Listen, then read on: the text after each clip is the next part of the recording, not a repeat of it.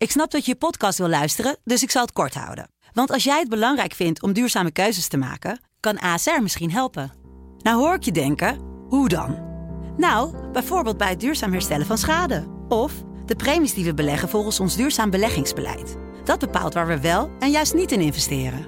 Wil je meer weten over welke duurzame keuzes ASR maakt? Ga dan naar asr.nl/slash duurzame keuzes. ASR doet het. Zo, dan kan je nu lekker naar je podcast luisteren.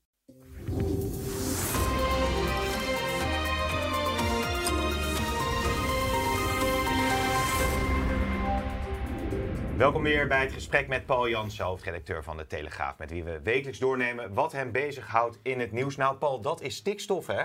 Uh, nogal, ja. ja. het gaat uiteindelijk over die 2030, hè, dat scherpe doel om voor stikstofreductie te zorgen. Ja. ja, is daar nog een ontsnappingsroute? Wil het kabinet dat wel? Er is een hoge druk vanuit de maatschappij in ieder geval om toch dat 2030 te gaan uitstellen. Ja, er is eh, natuurlijk, hè, zeker door de verkiezingzegen van uh, eh, BBB, uh, staat stikstof weer hoog op de agenda. En dit is toch wel een, een slepend dossier, wat, wat als, een, als een graat in de keel steekt van de, van de politiek. Even, even een stap terug. Uh, waar komt dit, dit hele dossier nou precies vandaan? Nou, het, het is begonnen met een Europese richtlijn, de Habitatrichtlijn, die voorschrijft dat lidstaten hun natuur goed moeten beschermen. En uh, uh, geen maatregelen moeten nemen die op een significante verslechtering van die natuur duiden. Nou ja, en zo'n richtlijn betekent dat de lidstaten zelf dan mogen bepalen met wetgeving, ja, hoe gaan wij daar dan precies zorg voor dragen dat die natuurgebieden, die die lidstaten ook zelf hebben aangewezen, dat, dat het daar goed beschermd wordt. En, en stikstof is één van de bedreigingen voor, voor die natuurgebieden. Uh, omdat het de bodem verrijkt en daarmee met name oh, oh, heidegebieden en zo wordt, dan, wordt dan de biodiversiteit aangetast. Nou, dat was het kader. Daar is in Nederland wetgeving op gemaakt. In 2019, dat herinner je nog wel, kwam natuurlijk die uitspraak van de rechter waarbij een, eh, een, een streep ging door uh, het Nederlandse stikstofprogramma. En dat Nederlandse stikstofprogramma zei eigenlijk van, ja, we mogen alle activiteiten uh, ontplooien, want toekomstige stikstofvermindering mogen we meerekenen. En de rechter heeft gezegd, ja, maar jongens, dat, dat, dat gaat niet. Beetje nou, op de pof, hè, was dat? Op de pof, ja, ja, zeker. En toen kwam in 2009 kwam die bouwstop, dus alles kwam stil te liggen. Daar begon de stikstofcrisis in Nederland. Vervolgens hebben we gezien in 2021 dat er een nieuwe wet werd geregeld. En daar kwam dan dat geitenpaardje uh, weer terug uh, van de bouwvrijstelling. Waar toch weer een oplossing werd verzonnen. Juridische oplossing om, om al die bouwactiviteiten van huizen, van wegen en noem maar, noem maar op weer in beweging te krijgen. En tevens werd daarin vastgelegd dat het stikstofniveau in 2035 met uh, in 74% van de Natura 2000 gebieden, dat zijn die aangewezen natuurgebieden, dat het stikstofniveau daar moest zijn op wat het binnen die uh, Europese habitatrichtlijn uh, dient, te zijn. Dus op, op een veilig niveau. Toen kwam het kabinet Rutte 4. En dan komen we uit bij wat jij net zei. Want wat, schetst ieders, ieders verbazing? Het kabinet Rutte 4 denkt, we doen er nog eens een schepje op. We gaan dat niet in 2035 realiseren. Nee, we doen het vijf jaar eerder, dus in 2030. Na alle ellende die je daarvoor gehad hebt. Dus dat was al opmerkelijke zet. Uh, dat betekende ook dat er, dat er heel veel draconische maatregelen nodig zijn om die eerdere het, uh, deadline te halen. Nou, dat heeft geleid tot, tot we gaan boeren uitkopen, we gaan onteigenen misschien wel. En allerlei uh, verzet ontlokte dat. Nou, daar kwam vervolgens dat rapport Remkes in oktober 2020.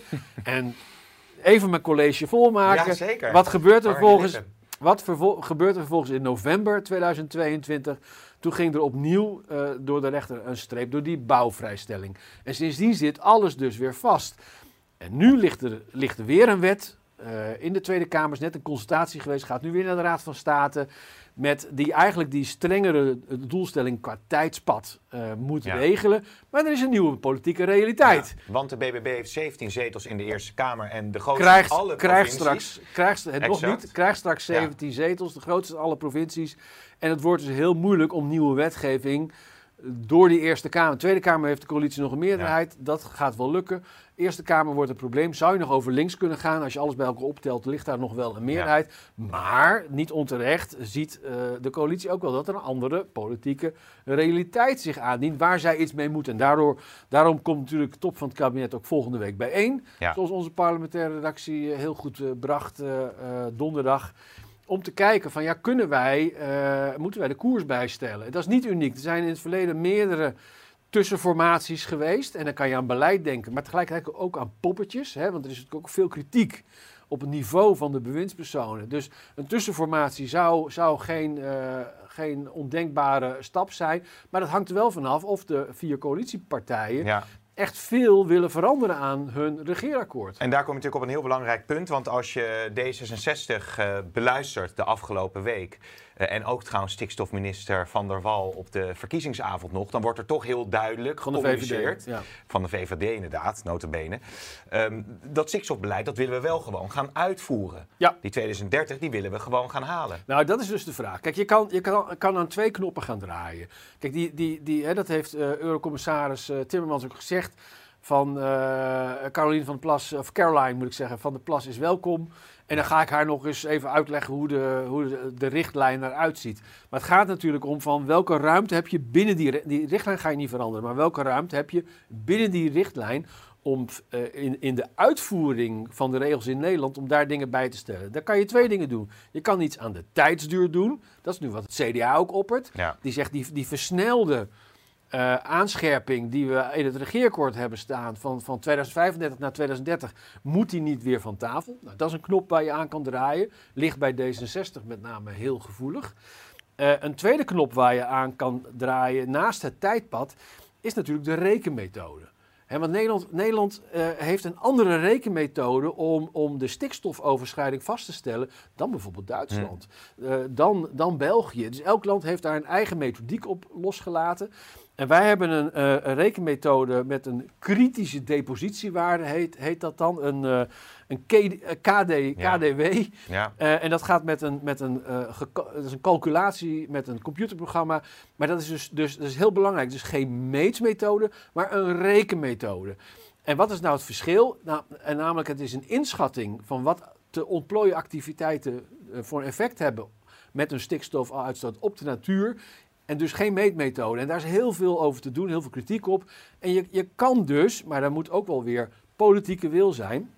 En is ook een, eh, een advies uh, uh, wat Remkes heeft gegeven. Kijk nou eens of er een alternatief is voor het KDW, wat ook juridisch houdbaar is. Want reken maar dat er organisaties zijn, lobbyclubs, die uh, staan te popelen om al dan niet met geld van de postcode loterij weer naar de rechter te gaan waarom, om, om, een zaak te beginnen. Maar, maar waarom wordt dat dan niet met een hele hoge snelheid nu gedaan? Dat kijken naar die instrumenten inderdaad, waardoor wordt gekeken hoeveel stikstofuitstoot je kan hebben. Wie, wie ligt er dwars? Nou, twee dingen. Het is, het is, uh, we hebben ons juridisch klem geschaakt in Nederland. Je kan, je kan niet zeggen, we hebben namelijk een, een, een uh, stikstofgrens hè, met, met die KDW, die hier veel scherper is, veel strenger is dan in Duitsland. Maar dat is natuurlijk helemaal met argumenten omkleed. Je kan niet in één keer zeggen, wij gaan die grens in Nederland uh, van hier naar daar verleggen. Want ja, dan, je wat zegt dat dan over je argumenten? Dus anders gezegd, je moet zorgen dat het juridisch houdbaar is als je aan die knop gaat draaien. Dat is één. Het tweede, wat minstens zo belangrijk is, is politieke wil. Altijd draait alles hier, als mensen, als politici zeggen het kan niet.